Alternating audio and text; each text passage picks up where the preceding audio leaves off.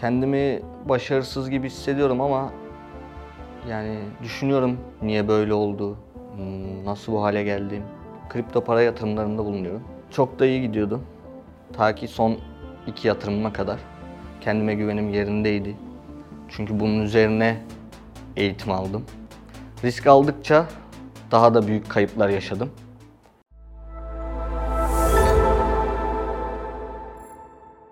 Merhaba sevgili Satoshi takipçileri. Her hafta yayınlanan Nasıl Hissettim programının yeni bölümüne hoş geldiniz. Ben klinik psikolog Barış Gürkaş. Gördüğünüz gibi Satoshi TV YouTube kanalında ve Satoshi Radyo podcastleriyle sizlerle olmaya devam ediyoruz. Bu hafta sizlerle özgüven konusunu ele alacağız. Özgüven hayatımızı kolaylaştıran bir durum olsa da bazen yatırımlarda süreçleri nasıl zorlaştırdığı üzerine biraz konuşacağız. Tahmin etmediğimiz yerlerden özgüven hayatımızı zorlaştırabiliyor. Olması da olmaması da. Şöyle bir kendinize bakarak başlayabilirsiniz mesela. Ben kendime ne kadar güveniyorum, ne kadar özgüvenliyim gibi. Acaba videonun sonunda özgüvene dair yine aynı düşünceler içinde olacak mısınız? Bir bakalım. Evet Arda, hoş geldin. Hoş buldum. Merhaba. Seni buraya getiren şey nedir? Ya aslında ben de çok bugünlerde anlam veremiyorum. Düşünüyorum. Kendimi başarısız gibi hissediyorum ama yani düşünüyorum niye böyle oldu. Hmm, Nasıl bu hale geldim. Yani bu sorulara cevap bulamadım. Kendim kısır bir döngü içinde hissediyorum. Yani bir başarısızlık hissinden bahsediyorsun. Özel olarak bu hissini arttıran bir şeyler mi oldu son dönemde? Ne oldu da yükseldi bu hisler? Ee, Sanırım yani şöyle açıklayayım. Kripto para yatırımlarında bulunuyorum. Hı hı. Ee, çok da iyi gidiyordum. Ta ki son iki yatırımıma kadar. İki yatırım son derece kötü geçti benim açımdan. Her şeyi hesapladım, her şeyi düzenli şekilde analiz ettim. Ama e, sonuca ulaşamadım.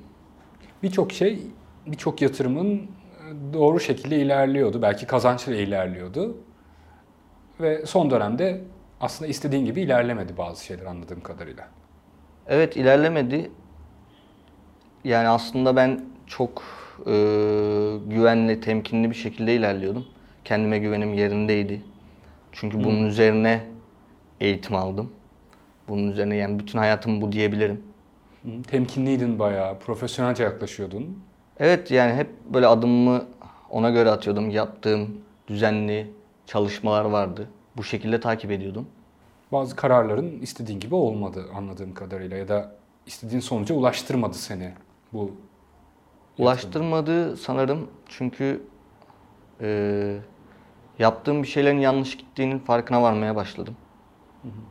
Yani bugüne kadar hep danışılan kişi bendim. E, özellikle iyi gittiğim süre boyunca çevremden hep destek gördüm.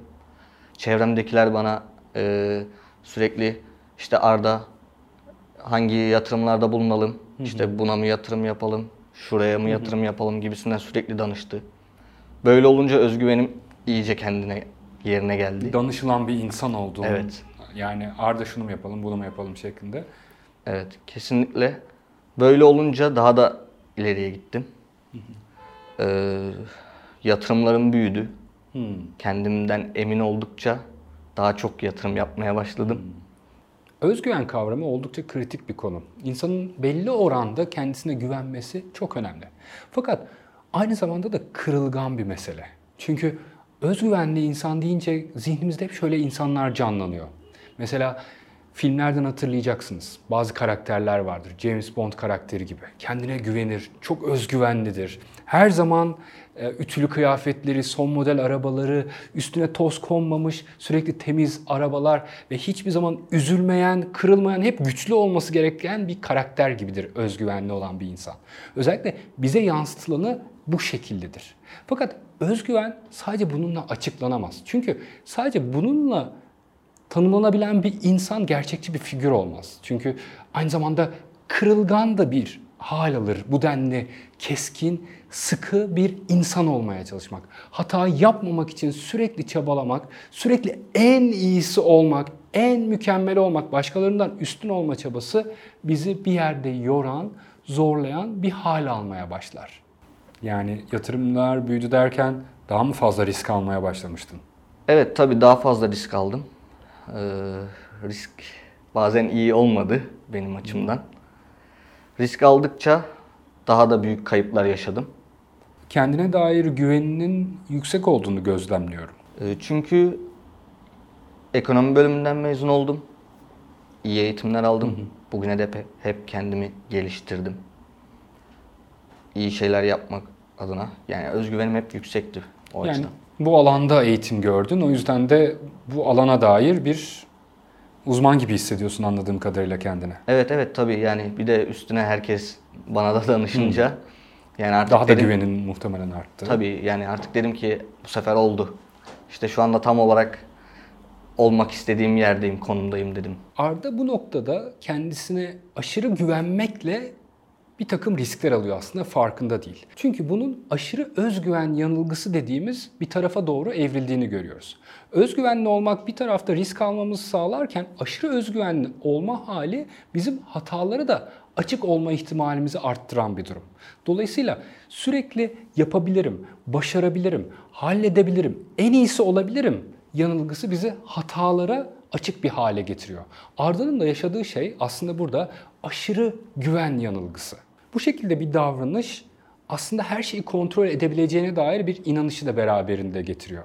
Riskleri görememeye başlıyor. Diğerlerinin yaptığı hataları yapmayacağına dair inanç geliştirmeye başlıyor.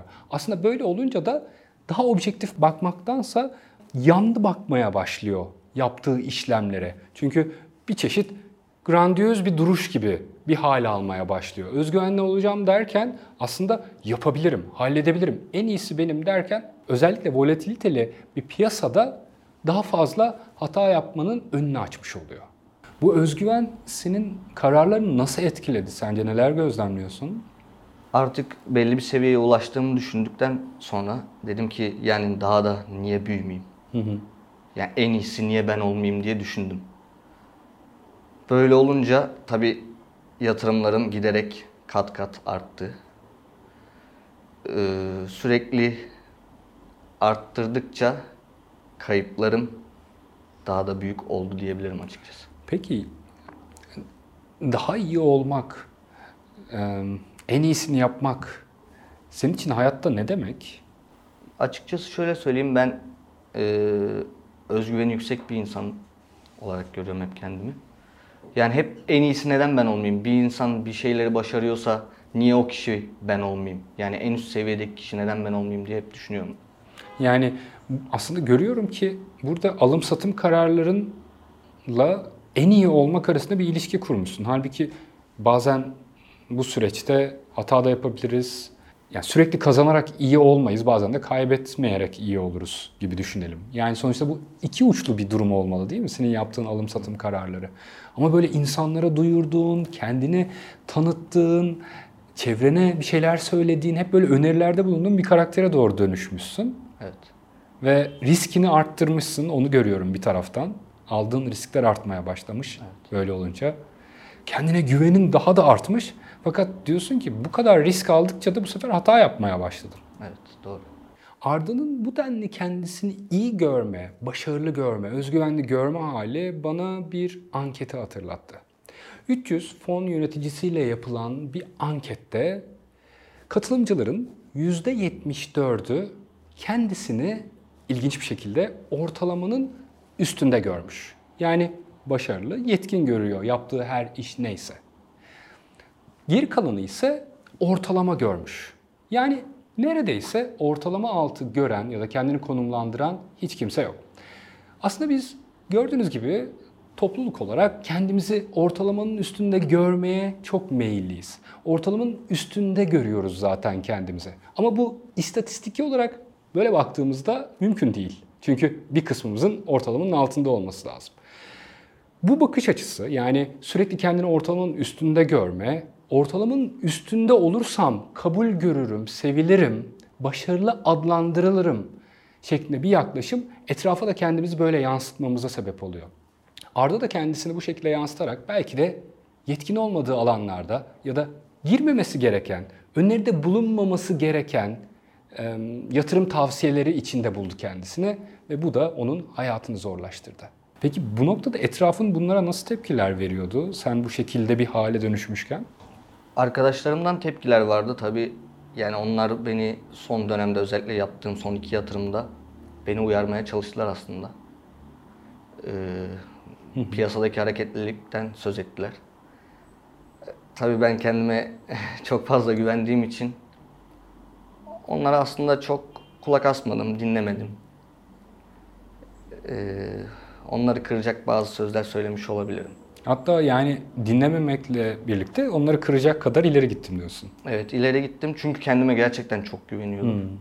Yani bu işi ben yani onlar bilmiyor ben biliyor. Sanki sana ne yapıyorlarmış gibi geliyordu mesela uyardıklarında. Yani sanki uyardıkları zaman kendilerinin daha çok bildiğini düşüncesiyle ben ya yok artık hani benden daha mı iyi bileceksiniz havasına bürünmüştüm adeta.